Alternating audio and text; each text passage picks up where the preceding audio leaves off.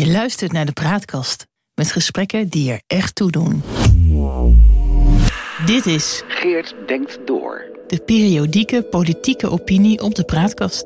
De visie op Politiek Den Haag volgens Geert Danes. Stem Victor Chevalier, tekst Geert Danes. Op 22 mei jongstleden liet Gijs van Dijk, het in februari 2022 afgetreden Partij van de Arbeidkamerlid, liet hij weten dat hij ervan afziet om gebruik te maken van het recht om de vacature Ploemen in de Sociaal-Democratische fractie te vervullen. Van Dijk wil eerst de uitkomsten afwachten van het onderzoek dat door de Partij van de Arbeid ingeschakelde bureau Bezemer en Schubat doet naar zijn vermeende grensoverschrijdende gedrag. Hoewel ik hem iets anders had aangeraden, zie mijn eerdere column, begrijp ik deze keuze wel. Want hangende de afronding van het onderzoek, waarom duurt dat zo lang, zou hij monddood geweest zijn in de Partij van de Arbeid-fractie. Zodra zijn rehabilitatie een feit is en er een nieuwe vacature komt, staat hij moreel en feitelijk veel sterker. Nu even pas op de plaats. Straks de bel erin. Heel wat mensen, en niet in de laatste plaats Lilianne Bloemen, ook al is ze opgestapt, hebben reden zich zorgen te maken. En dat geldt zeker voor het gelegenheidsduo Cornelia Klaster en Katinka Simonsen. Cornelia Klaster is de dragonder die op 8 februari 2022 op gezag van de NOS sterreporters Xander van der Wulp en Ron Vrezen het openingsitem van het NOS-journaal was.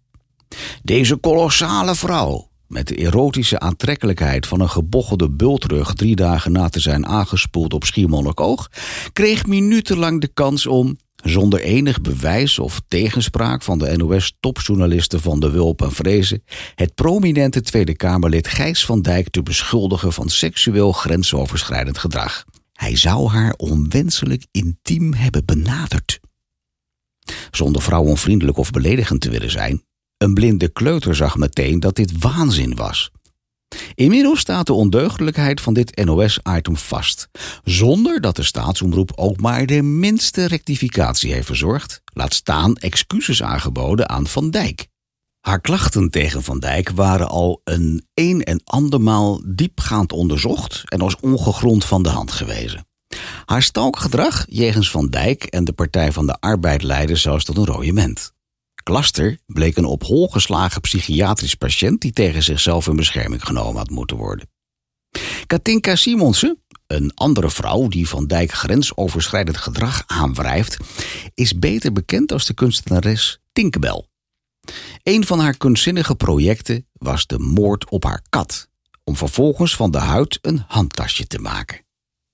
Tinkerbells curieuze strapasten gaven de hoofdredactie van het Parool aanleiding haar aan te stellen als columnist.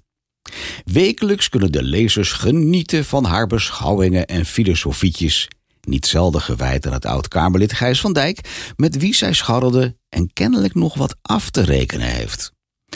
Zo gooide ze in een van haar columns een schaamteloos allerlei voor de publieke zaak irrelevante details uit Van Dijks privéleven op straat. Zij is zo iemand die zich in je leven binnendringt, daarin van alles waarneemt en vervolgens ernstig misbruik maakt van je gastvrijheid eh, door iets wat vertrouwelijk hoort te blijven voor eigen gewin aan de grote klok te hangen. Het laagste van het laagste. Op 25 mei 2022 was het weer raak in Tinkelbells column. De munitie van Gijs van Dijk de zoveelste persoonlijke aanval vol onbewezen insinuaties. Waarom laat de hoofdredactie dit toe? Bij zijn aftreden als Kamerlid liet Van Dijk weten niet altijd eerlijk geweest te zijn tegenover vrouwen in zijn privéleven. Let wel, privéleven.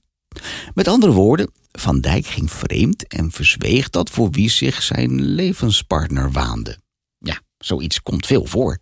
Dus ook onder Kamerleden en bewindspersonen. En het is iets heel anders dan seksueel of anderszins grensoverschrijdend gedrag jegens collega's of medewerkers.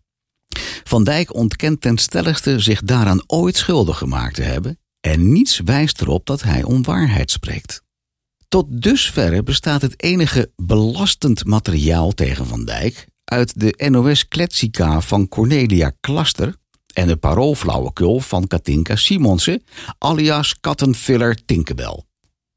Hoe ziek deze Consie is, konden we zien in de tweets die de twee deelden op de dag dat Van Dijk bekend maakte af te zien van een rentree in de Tweede Kamer. Want beide posten foto's op Twitter waarin het glas geheven werd. Jullie hebben geen idee, maar dit nieuws is voor mij een hele grote opluchting, schreef Tinkerbell. Cheers, lady, zette ze onder een foto van een lachende Cornelia die ook al het glas omhoog hief. Geen onderzoek van Bezemer en Schubat meer nodig. Geen wederhoor van Van Dijk. Nee hoor, maffe Katinka en gekke Cornelia zijn eruit. Aan de gallig met die man. En zo wordt met hulp van het Parool en de NOS een vooraanstaand Kamerlid, oud-Kamerlid, te gronden gericht. Ik hoop dat Van Dijk het nog even volhoudt. Daarna kan hij het glas heffen. Als mede de bijl. Was getekend Geert Dales. 25 mei 2022. De praatkast.